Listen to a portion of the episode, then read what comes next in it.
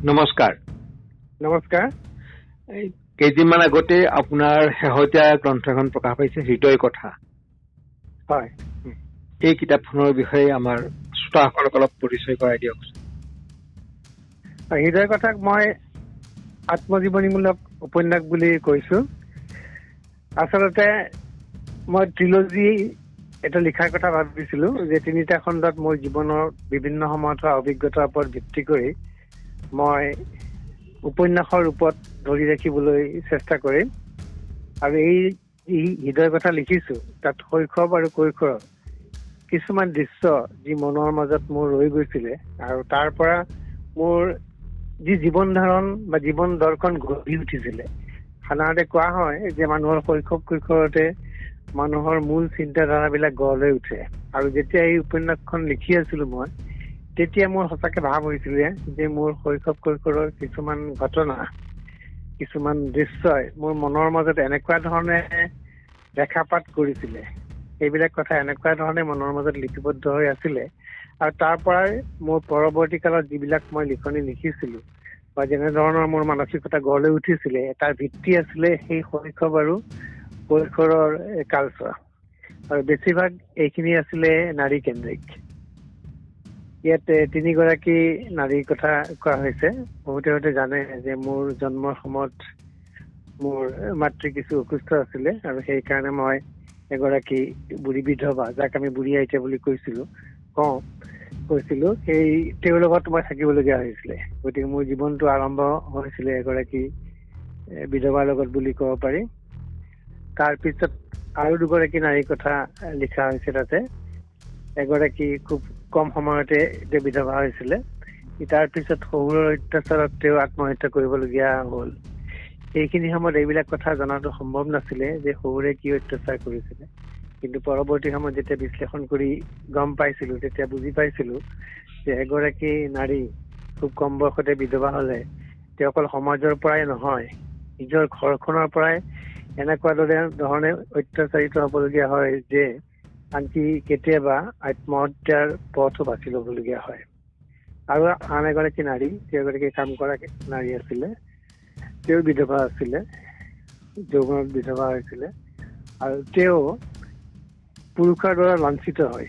পুৰুষৰ মানে এনেকুৱা এগৰাকী পুৰুষ যাৰ সমাজত খুব প্ৰতিপত্তি আছে তেনেকুৱা ধৰণৰ সন্তানৰ মাক হ'ব লগা হৈছিলে। কিন্তু সেই পুৰুষে কেতিয়াও সেই পিতৃত্বৰ স্বীকাৰোক্তি নিদিলে। তাৰ ফলত এই নাৰীগৰাকীয়ে বহুত অত্যাচাৰ সমাজৰ পৰা সহিবলগীয়া হয়। ঠিক তেনেকুৱা ধৰণৰ কিছুমান দৃশ্যই মোৰ মনৰ মাজত সেইখিনি সময়তে আঘাত কৰিছিলে আৰু এটা কথা হৈছিলে যে হয়তো বিধৱাৰ লগত থকাৰ কাৰণে তেওঁলোকৰ মাজত সাধাৰণতে ধৰ্ম চৰ্চা অলপ বেছিকে হয়। আৰু তেওঁলোকে ধৰ্মৰ কথা মহাভাৰতৰ কথা ৰামায়ণৰ কথা এইবিলাক কথাই বেছিভাগ সময় আলোচনা কৰি থাকে। কিছুমানে ধৰ্মগ্ৰন্থ পঢ়ে। আৰু সেই যে ধৰ্মৰ কাহিনীবোৰ ৰামৰ কথা হওক যুধিষ্ঠিৰৰ কথা হওক শ্ৰীকৃষ্ণৰ কথা হওক এইবিলাক কথা খুব সৰু কালতে কাহিনীৰ ৰূপত তেওঁলোকৰ মাজত থাকি শুনি শুনি মোৰ মনৰ মাজত ৰেখাপাত কৰিছিলে আৰু ঈশ্বৰৰ এটা ভাৱমূৰ্তি মোৰ গঢ়ি উঠিছিলে। আৰু এই গোটেই কিতাপখনত যদি কব খোজা যায় মূল কথা হ'ল যে তাৰ পৰা ঈশ্বৰ সম্পৰ্কে মোৰ কেনেকুৱা ধাৰণা এটা সৃষ্টি হৈছিলে তাকে মই আৱিষ্কাৰ কৰিবলৈ চেষ্টা কৰিছিলো। আজিকালি ধৰ্ম ঈশ্বৰ এইবিলাক কথা বহু বেছি চৰ্চিত হয়। কিন্তু এইবিলাক কথা যেতিয়া মই সেই উপন্যাসখন লিখি থকাৰ সময়ত নিজৰ মাজতে আলোচনা বা বিশ্লেষণ কৰিবলৈ চেষ্টা কৰিলো।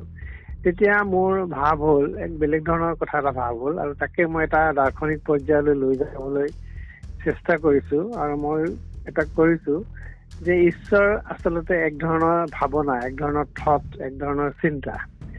আৰু সেই চিন্তাৰ লগত জড়িত হৈছে ঈশ্বৰ সম্পৰ্কে আমি যেনেকুৱা ভাল গুণবিলাক সাধাৰণতে ধৰি লওঁ যে দয়া মায়া ন্যায় সহমৰ্মিতা মানুহে মানুহক সহায় সহায় কৰিব লাগে ঈশ্বৰে সহায় কৰে বা ন্যায় প্ৰতিষ্ঠা কৰে এনেকুৱা কিছুমান গুণৰ সমাহাৰকহে আচলতে ঈশ্বৰ গতিকে থটছ বুলি ক'ব পাৰি। কিন্তু সকলো মানুহে এই যে বিমূৰ্ত ধাৰণা ভাল বেয়ানো কি সহায় কৰানো কি সহমৰ্মিতানো কি ন্যায় অন্যায়নো কি এনেকুৱা সূক্ষ্ম ধাৰণাবিলাক সাধাৰণতে বিমূৰ্ত ৰূপত তেওঁলোকে ঠিক ধৰণে উপলব্ধি কৰিব নোৱাৰে। সেইকাৰণে এই ধাৰণাবোৰ সকলো শ্ৰেণীৰ মানুহৰ মাজলৈ লৈ যোৱাৰ কাৰণে বিভিন্ন ক্ষেত্ৰত মানে বিভিন্ন সংস্কৃতিৰ ওপৰত নিৰ্ভৰ কৰি সকলোৱে নিজ নিজ এক ঈশ্বৰৰ ৰূপ প্ৰদান কৰিছিলে। আৰু তাৰ পৰাই হয়তো ধৰ্ম সৃষ্টি হৈছিলে। কিন্তু আমি যদি সেই বিমূৰ্ত ধাৰণাতেই থাকি যাওঁ এই যে সজগুণবিলাকৰ অধিকাৰী হবলৈ আমি চেষ্টা কৰো তেতিয়াহ'লে আমি এটা কথা বুজি পাম যে ঈশ্বৰক লৈ বেলেগ বেলেগ ধৰ্ম সৃষ্টি হোৱাৰ কোনো প্ৰয়োজন নাই।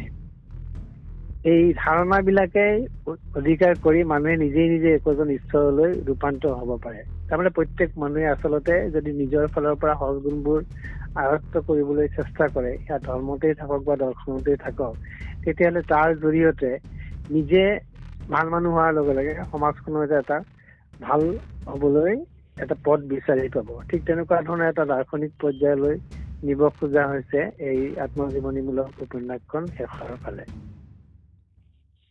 এই কিতাপখন প্ৰকাশ হোৱা আজি কেইবাদিনো হ'ল? পাঠকৰ মতামত কেনেকুৱা পাঠকে কি ধৰণে কিতাপখন গ্ৰহণ কৰিছে মতামত এই বিষয়ে জানিবলৈ ইচ্ছা থাকিল আমাৰ। অ দুটা কথা মই ক'ব খুজিছো। আজি ৰাতিপুৱাই বনলতা প্ৰকাশ কৰিছে। বনলতা অনন্ত হাজৰিকা প্ৰকাশকে মোক টেলিফোন যোগে জনালে যে এই গ্ৰন্থখনৰ চাহিদা পঢ়ুৱৈৰ মাজত সাংঘাতিক ধৰণৰ। সাংঘাতিক ধৰণে বিক্ৰী হৈছে আৰু অসমৰ বিভিন্ন ঠাইত ইতিমধ্যে কিতাপখন তেওঁলোকে প্ৰেৰণ কৰিছে আৰু পাঠকৰ চাহিদা তেওঁলোকে উমান পাইছে। আৰু দ্বিতীয় কথা হ'ল যে মই কেইবাটাও টেলিফোন পাইছো আৰু সেই টেলিফোনৰ পৰা মই এটা কথা বুজিব পাৰিছো। বহুতে সুধিছে মোক যে আমাক দ্বিতীয় খণ্ডটো লাগে। সেই কথাটো মোৰ কাৰণে খুব অনুপ্ৰেৰণাদায়ক। কাৰণ ইয়াত মই লিখি দিয়া নাছিলো যে ত্ৰিলজী ৰূপত মই আচলতে কল্পনা কৰিছিলো এই গোটেই আত্মজীৱনীমূলক উপন্যাসখন। মই ভাবিছিলো যে বজাৰত এখন এৰি দিয়া যাওক।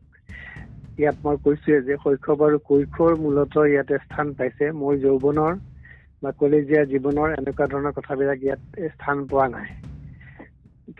কিন্তু তাৰ মই এটা ইংগিত দিয়া আছিলে যে এনেকুৱা বহু ঘটনা আছে।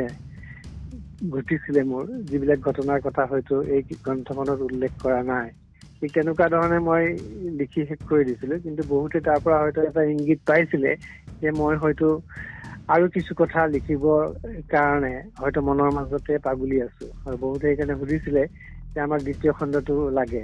সেইকাৰণে মই এটা সিদ্ধান্ত মনে মনে লৈ লৈছো যে একজনীৰ পৰা মই হৃদয় কথা নাম হয়তো বেলেগ হ'ব তাৰ দ্বিতীয় খণ্ড আৰম্ভ কৰিম আৰু সেই দ্বিতীয় খণ্ড যিহেতু এইটো যৌৱনৰ খণ্ড হ'ব মোটামুটি কলেজীয়া খণ্ড হ'ব মই ভাবো এই খণ্ডতকৈ তাত বেছি পৰিণত ৰূপত মই চিন্তা ভাৱনাবিলাক তাত চালি জাৰি চাবলৈ সুবিধা পাম আৰু সেয়া হয়তো ইয়াতকৈ অধিক ৰোমাঞ্চকৰ বা আকৰ্ষণীয় হ'ব বুলি পঢ়ুৱৈৰ মাজত মই বিশ্বাস কৰো।